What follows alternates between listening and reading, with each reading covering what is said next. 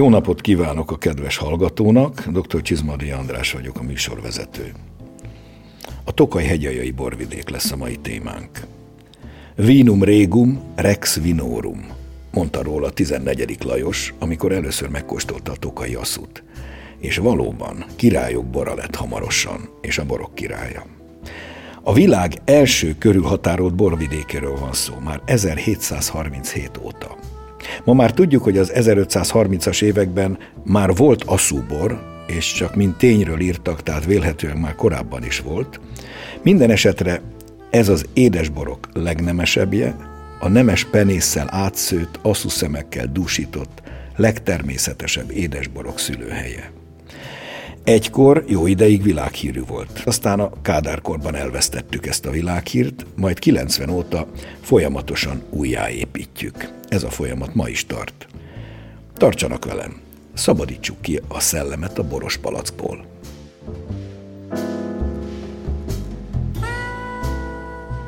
Hallgassuk meg, mit ír Hambas Béla a hegyaljairól.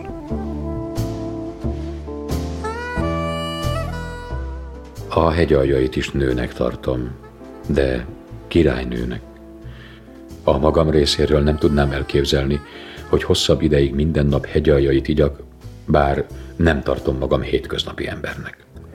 Az egész világ tudja, hogy a hegyaljainak sehol másút nem található díszei vannak. A legméltóbb ivási mód a nagy ebédek és vacsorák után kis pohárral. Lakodalomkor mielőtt a vendégsereg elszéled, útra Szent János áldásként. Aki amilyet szeret, aszút vagy szamorodnit, édeset vagy szárazat. Ez a nagy nyilvánosság bora. Hangversenyek szüneteiben, operában felvonás közt pompás, már csak azért is, mert egyike a legmuzikálisabb boroknak. Akinek rejtélyes betegsége van, igyon hegyaljait, az asszony, ha azt akarja, hogy méhében levő gyermeke büszke és királyi lény legyen, igyon hegyaljai. A művész, ha művét befejezte és sikerült, ünnepelje meg és igyon hegyaljait.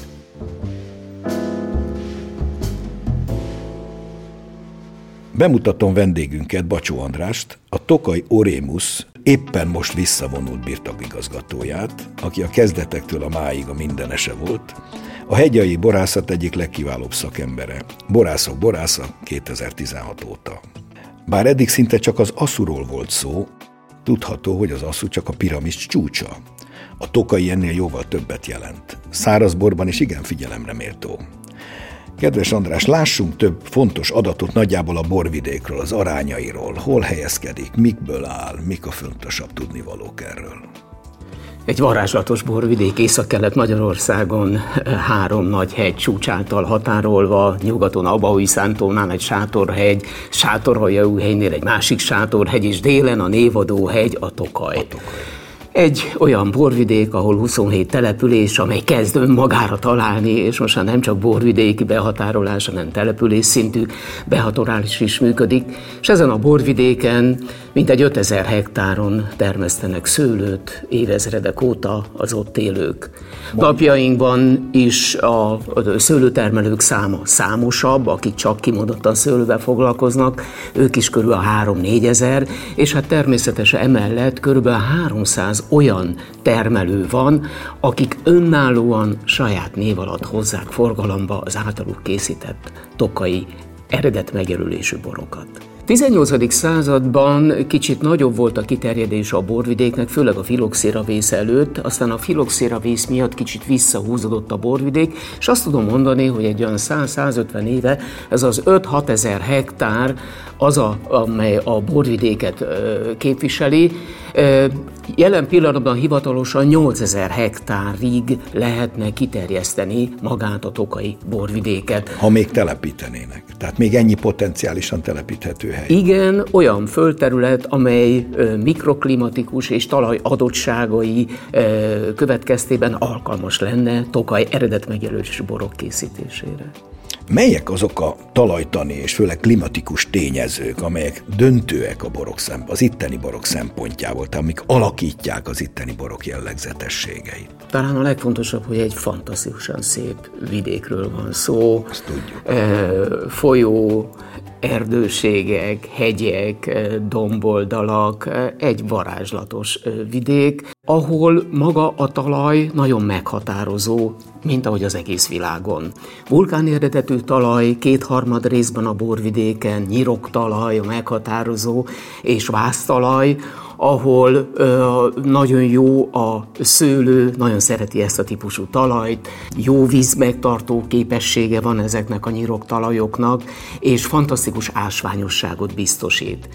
Egy kivétel van talán a Tokai Nagyhegy környékén, egy lösztalaj található, amely fiatalabb korú, hiszen a kötött talajok, a nyirok és a vásztalajok vulkáni eredetűek, tehát életkoruk olyan 14-15 millió évre vezethető vissza keletkezésük, Addig a lösztalaj sokkal fiatalabb, a földtörténeti korban, mint egy olyan 250 ezer évvel ezelőtt a szél fújta ide ezt a talajt. Sőt, azt mondják egyes borászok, hogy egy-egy dűlő belül is változik a, a talaj összetétel, vagy a mikroklíma, tehát hogy még aldülőkbe is néha érdemes gondolkodni, de hogy dűlőkbe mindenképpen, és talán ez alapozza meg a dűlőszelekciót. Így van, évszázadok óta megkülönbözteti az ott élő szőlőtermelő ezeket a dűlőket, név szerint tudja, fantasztikus klasszikus nevük van, Igen. külön Mondhatunk előadást érdemelne. Nevet. Mondhatunk néhány nevet, ugye? Mandulás, Kútpatka. Persze, hogy hazabeszél, ugye a Tolcsva környéki Várhegy, Petrács. Igen. Akkor én most képviselném a mádiakat, mondjuk egy Szent Tamás, egy Becsek, Szarvas, Hétszőlő, Ágya, és itt a gyönyörűek. Igen. Igen. valóban sokszínűség tapasztalható, és pont ez az izgalmas. Ha már említette a, a magát a Tokai Kopaszhegyet, ugye, amit a legdélibb nyúlványa a borvidéknek, szinte bele ékelődik az Alföldbe.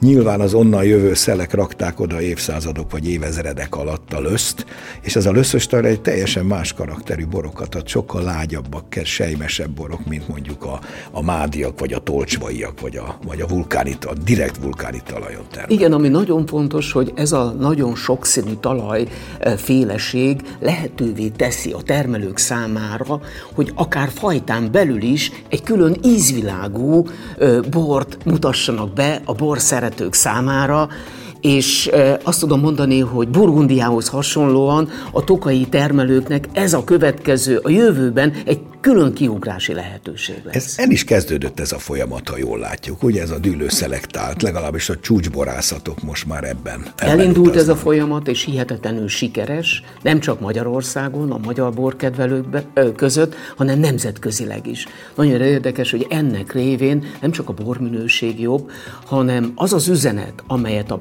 fogyasztók felé közvetítünk, egy magasabb eszmeiséget biztosít, aminek révén egy jobb jövedelmezőség érhető el. Nagyon jó. Ha már ennél tartunk, akkor nézzünk egy kicsit nemzetközinek is mondható kitekintést.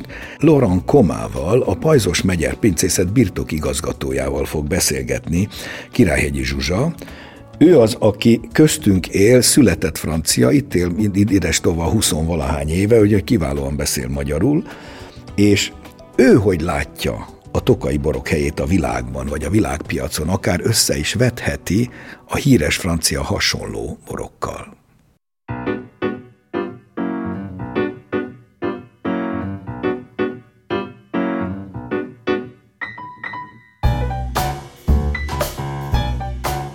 Közép-Kelet-Európából egy borvidék volt, a Tokai borvidék, a franciák számára is, és ugye a borvilágnak is tehát nagyon uh, nagy híre van a, a borvidéknek, meg a tokai boroknak.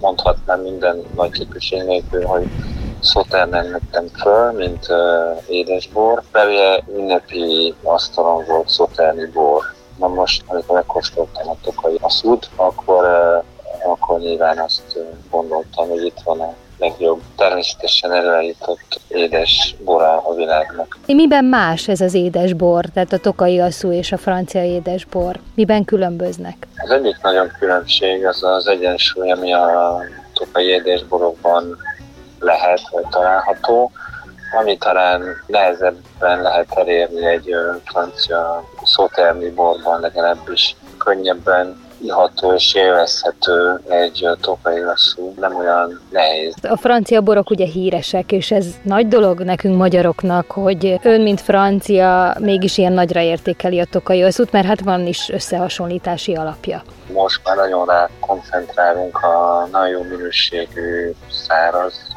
borokra is, szőlőfajták is van, tehát ilyen formint és ásárő, vagy csak a két legelterjedtebbeket említsem, amikkel egy öröm dolgozni nap, mint nap. A tokai szárazborok is híresek lehetnek a jövőben. Muszáj megkérdeznem, hogy, hogy ilyen jól beszél magyarul? Hát... Mióta él itt Magyarországon? Én már 20 éve jöttem, 25 éve, Hát akkor egy szót se tudtam, csak azt, hogy jó napot köszönöm, és uh, ezek szerint sikerült beintegrálódni. Meg, megtetszett, megtanultam. Nekem fontos volt, hogyha egyrészt hogy én jöttem ide, meg uh, magyar emberekkel és csapatokkal kell dolgoznom, akkor nekem kell alkalmazkodni, és nekem kell megtanulni a nyelvet, de egyébként ez egy téma, ami, ami érdekel a nyelvészet, tehát sokszor kérdeztem, hogy mi miért van, meg hogy kell ez, és vannak még kérdések, amire nyelvész egyébként sem tudott válaszolni, most érdekelt is. Úgyhogy így, így sikerült. Hogy, hogy inkább magyar borokkal foglalkozik, mint franciákkal? Előbb jöttem Magyarországra, még mielőtt borokkal foglalkoztam. Uh-huh. Később csöppentem bele a borokba, úgy mondanám. A tokai borvidék ez mégiscsak a, a világ egyik leghíresebb és szerintem legszebb borvidéke, ahol lehet a, szerintem a világ legjobb uh, édes borral foglalkozni, tehát ez vonzó. Melyek a hagyományos borkategóriák Tokaj hegy alján, és hogy hogyan bővült, mert hogy bővült ezeknek a köre 90 után, egy kicsivel. Tokaj évszázadok óta Magyarországon és a világon mindenhol a nemes boráról ismert. Ez a tokai asszó. Egy különleges klíma lehetővé teszi azt, hogy a szőlő túlérjen, többedjen, nemesen rothadjon, és az asszuszem kiszedés több évszázados gyakorlat a borvidéken. A Tokai Asszubor egy fantasztikus aromavilággal rendelkezik, amelynek következtében az egész világ, és főleg az arisztokrata udvarok és a luxus jellegű éttermek előszeretettel tartják, és, és ö, kóstolják ezeket a borokat. Ami a fantasztikus még az asszuba, hogy az idők során ö, egyre ö, javul a íze zamata, és az embernek lehetősége van arra, hogy 40, 50 éves, 20 éves, 30, 100, 150-es asszut is kóstoljon, egy különleges időutazásra ad lehetőséget, és hát természetesen lehetővé teszi azt is, hogy bevonuljon a tokai borászatba az úgynevezett műgyűjtésnek a szenvedélye, amikor a nagy asszuborokat gyűjtöm annak érdekében, hogy 20-30-100 év múlva majd újra megkóstoljuk. Egy fantasztikus világ az asszú világ, de az aszú mellett mindig meg kell egy picit említenünk az aszú piramis csúcsát, az eszenciát, amely a világon teljesen egyedülálló nektár, annak révén, hogy hihetetlenül gazdag, fantasztikus egyensúlyok vannak benne, a benne lévő savak és a cukorgazdagság miatt, nagyon alacsony az alkoholtartalma, ezért a világon valóban unikális, egyedi bor ha hagyd szóljak közbe, hogy a kedves hallgató kedvé, hogy mi is az eszencia. Ugye az eszencia nem más, mint az, az a külön összegyűjtött asszú szemeket, amikor ilyen nagy konténerekbe begyűjtjük, legalább egy méter magasan áll, ugye a konténerben, és a saját súlya alatt egymást préselve alul a lé kijön, van egy kis leeresztő csap, és ott kieresztjük ezt a, az aszú szemeknek a saját sűrű nedvét, amit aztán külön balonokban elkezdünk hagyni, hogy erjedjen. Persze olyan elképesztő koncentráció cukorban, hogy ez csak nagyon lassan és nagyon kis alkoholig erjed. Tehát ennek 4-5 százalék alkoholnál több sosem születik. Viszont kanállal lehet enni, mert olyan. Ez volt az az elixír, amit régen valamikor gyógyászati célokra is használtak. És ne felejtjük el, hogy napjainkban műgyűjtő pincéjében ott van az 1811, az üstökös évjárat, az 1700-as évek, sőt, 1650-es évjáratú palackali is lehet találkozni. Jó, beszéljünk akkor arról, hogy tulajdonképpen az asszú persze attól lett világhírű a tokai, de azért Tokajban sok egyéb boros kategória is van, és mennyiségileg azok többen is vannak, tehát a, az alapbortól kezdve mik a különböző lépcsőfokok? Talán egyik legfontosabb borkategória Tokajban, ami évszázadok óta létezik, az úgynevezett Tokai Ordinárium, régen csak így A rendes hívták. bor. Így van. Az a bor, amely száraz bor, kierjed, egy jó, beérett szőlőből készül, és a mindennapok asztalára kerülhet könnyen. A száraz után mi a következő kategória? Még az asszú és a száraz között ott van végül is a hagyományos szamorodni. Ez egy különleges kategória, hiszen ne felejtjük el, hogy nem tudunk minden asszus-szemet kiszedni, bármennyire is törekszünk rá. Nagyon nagy annak a szőlőnek a mennyisége, ami túlérett fél szemek vannak rajta, vagy éppen nem tudtuk kiszedni az asszus-szemet, ha ezeket a fürtöket külön válogatjuk. A válogatás révén egy hihetetlen gazdag mustot nyerünk, amely a mustna, mustoknak a potenciális alkoholtartalma bizony sok esetben 18-19 tehát nagyon-nagyon gazdag mustokról van szó, szőlőről, és ezekből különleges szamorodnit lehet készíteni. Amit történelmileg az... főbornak hívtunk valamikor régen. Így van, legyen az száraz, az édes, attól függően, hogy mennyi asszuszon van benne, illetve olyan 2000-es évektől kezdve Főleg nemzetközi tapasztalatok alapján ezeket a borokat késői születelésű bornak kezdtük el nevezni, amelynek révén, főleg az angol változat révén, hogy Noble Late Harvest, Late Harvest okai borok, sokkal könnyebb a nemzetközi piacon való megismertetése és bemutatása ezeknek a boroknak hogyan változtak a szőlőfajták, a tokajban alkalmazott szőlőfajták a múlthoz képest? Tehát mondjuk a régmúltban azt tudjuk, hogy nagyon sok szőlőféle szőlő volt általában is. Ez azért karcsúsodott, egy kicsit szűkült néhány fajtára. Melyek a ma használatos szőlőfajták Tokaj-hegyőjén? Mm, Tokajnak egy nagy előnye és szerencséje van, hogy egy fajtára épül rá, főleg nemzetközi kommunikációban. Ez a furmint. És 18.-19. században is a furmint volt a főfajta. A többit a tokai termelők egyszerűen fehér szőlőnek nevezték.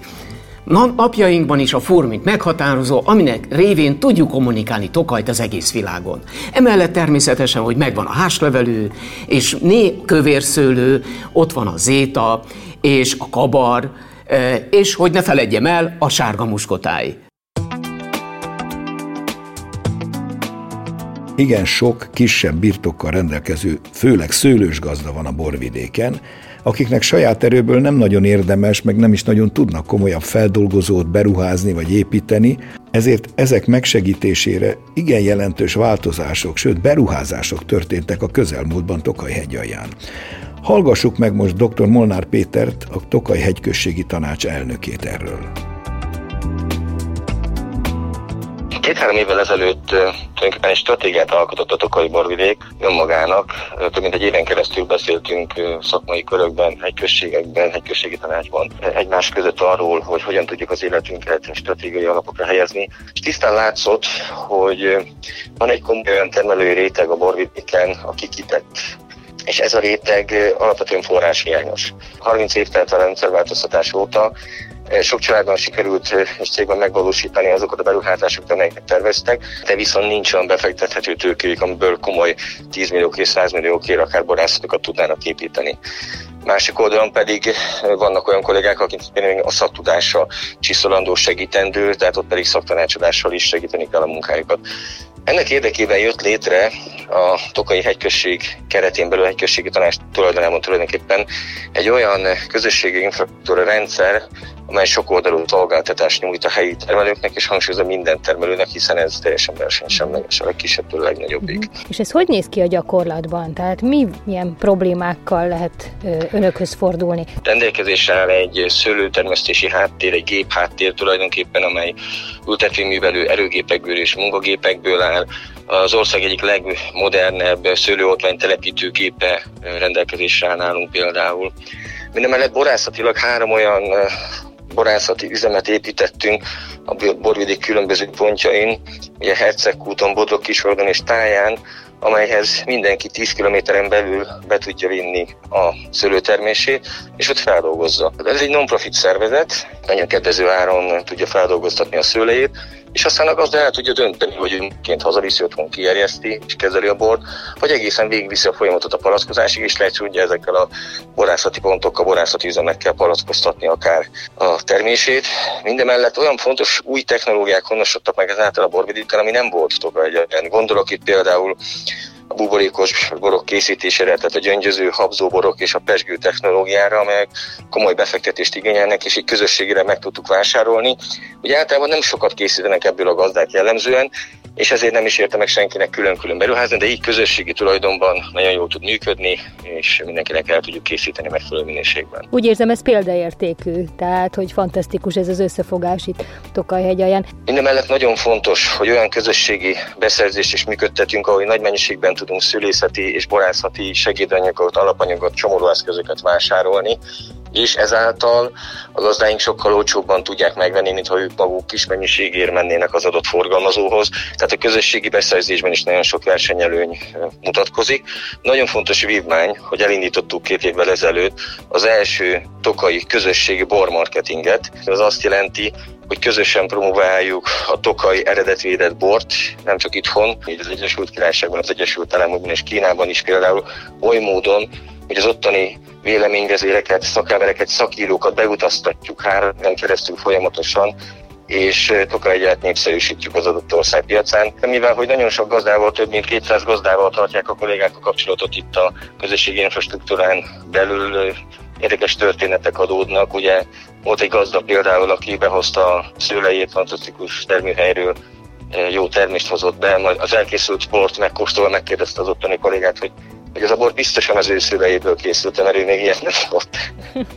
Tehát ez egy érdekes történet, de valójában ez arra világít rá, hogy igenis, hogyha egyszer a világ egyik legjobb borvidékén dolgoz, akkor kutya kötelességünk, hogy megteremtsük azt a rendszert, amikor mindenki eh, alkalmas eh, technológiát tud használni,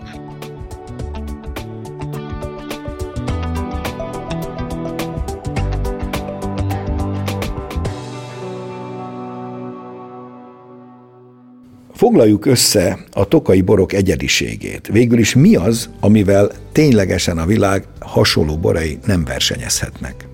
Különleges fajta, különleges talaj, e, az a fantasztikus ásványosság, amely megtalálható ezekben a borokban, fantasztikus savak, és az az érlelési gyakorlat, amely több száz éve kialakult, az a hordó használat, az a hagyományos pincei használat, amely ezeknek a boroknak fantasztikus egyediséget ad. Ehhez járul hozzá a dűlők adta változatosság és egyediség, és hát természetesen a szőlőművelő és a borkészítő ember egyénisége. Ez egy kultúra. Ennek a kultúrának a gyümölcse a tokaj, és ennek révén megkülönböztetésre érdemes, és ami a legfontosabb, hogy fantasztikus örömet, gazdagságot és aromatikus kavalkádot biztosít a borkostoló számára. Azt is mondhatnánk, hogy valóságos aroma orgia a szájban. Én még annyit fűznék hozzá, hogy hasonló a világ más borvidékein, ahol nem sok helyen, de ahol hasonló ilyen asszú jellegű nemes, penészes borokat készítenek, talán a tokainak a legszebb az egyensúlya. A legfontosabb az, hogy a cukortartalom és a megfelelő hozzá csatlakozó savtartalom mindig egyensúlyban legyen. Van, amelyiknél kicsit túl sok a sav, van, ahol egy kicsit a cukor túl sok, de ez Tokajban valami egészen fenomenálisan együtt vannak. Valami fölsőbb kapcsolat révén minél több a cukor, úgy tűnik, hogy mindig annyival több a sav is, tehát soha nem lesz unalmas. Ugye tudjuk, hogy a tokai egy univerzális bor, szinte majdnem mindenféle ételhez tudjuk párosítani borpartnerként, és az is igaz, hogy az aszú nem csak desszertbor, bár sokan így gondolják. Az aszút is sokkal univerzálisabban lehet használni, mint hogy csak torta vagy édességek mellé tennénk. Mondjuk néhány példát erre. Leginkább, amit megemlítenék az aszúborok esetében, az az előételek. Előételekhez fantasztikusan párosítható. Ilyenkor nyáron egy nagyon kevés sárga dinnye kockára vágva, picit megáztatva egy nagyon kevés asszóba, és egy kis szárított mangalica sonkát, vagy bármilyen szárított sonkát hozzá párosítani. Hihetetlen nagy élmény. de természetesen, hogy az aszuborok az étkezés végén, önmagában, mint desszertbor. Desszert ne, helyett is. Desszert helyett is. Soha ne hagyjuk abba az étkezést úgy, hogy valami erős étellel. Mindig egy pohár desszertbor, vagy a desszerthez valami kiegészítő, szép, finom, aszú, egy, egy kortyot. És amit talán az asszuboroknál soha ne feledjünk el, hogy az asszú egyben a meditáció bora is. Lehet az étkezések végén, lehet télen a kandalló mellett, lehet karácsonykor, bármikor, egyedül, társaságban. És ami nagyon-nagyon fontos, hogy ezt az örömet osszuk meg másokkal. És ezek az emberi tartalmak azok, amelyek az asszubort bevezetik az étkezések és valamilyen formában az arisztokrata és a luxus világ legmagasabb porondjára. Ez pontosan így van, az asszú mindig is egyfajta nemességet sugárzott. Annak is, aki készítette, annak is, aki megitta. Én tapasztaltam, sok mindent kóstoltam és próbálkoztam az asszúval társítani. Igen jól működik például kelet-ázsiai, dél-kelet-ázsiai konyhákkal, a fűszeres, izgalmas kínai eh, táji konyha, indiai konyha bizonyos ételeihez is nagyon jól lehet. És nem csak az asszú, hanem általában már a késői szüretelésű bor, a szamorodni, az édes szamorodni, és nagyon jól tud működni velük. Hát ugye néhány tradicionális ételt, ugye a hízott májból készült ételek, liba és kacsamájból készült tökéletes párosítás, mindenféle nemes kékpenészes sajtok, vagy azokkal készült ételek, ételekhez is tökéletes párosítás, úgyhogy eléggé univerzális a dolog. Mindenkinek csak javasolni tudom, hogy bátran igyon asszút is, édes szamorodnit is, késői születelésűt, és hát persze az alapborokat, a gyönyörű nagy furmintokat, hárslevelüket. Megköszönöm Bacsó Andrásnak a szíves és nagyon értékes közreműködését a mai műsorban, és most hallgassuk meg mi újság a borok világában? A híreket Vajda Boglárka szemlézi.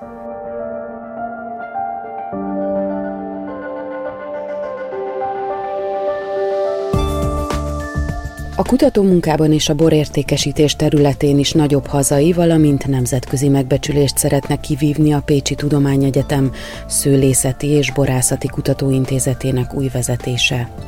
Az intézmény főborásza Ipacs Szabó István a termelők és a kutatók közötti szorosabb együttműködésre koncentrál, fiatal feltörekvő és tapasztaltabb borászok bevonásával. Magyarországon egyedül Pécsen folyik világszínvonalú rezisztencia nemesítés, melynek célja a környezettudatos, fenntarthatóbb szőlő és borágazat megteremtése, megerősítése.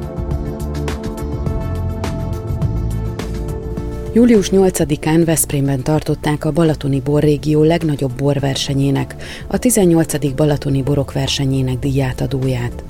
A megmérettetésre minden eddiginél több, összesen 92 termelő jelentkezett, 360 borral. A versenyen a Balatoni Borrégió mind a hat borvidéke képviseltette magát. A Balatoni borrégió legjobb vörös bora 2021-ben a Bújdosó Szőlőbirtok és Pincészet Kokas Merló 2017 bora lett.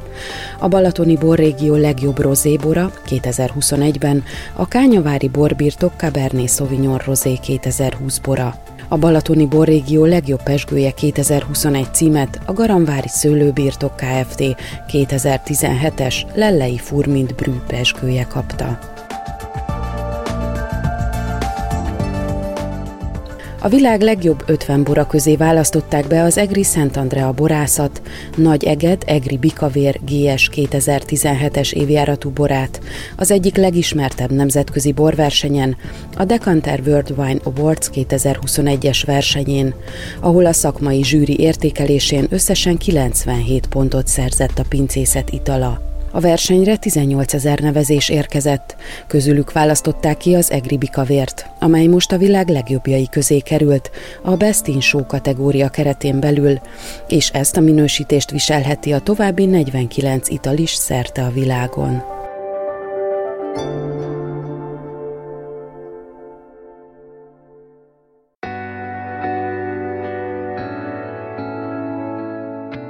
Mai műsorunk véget ért.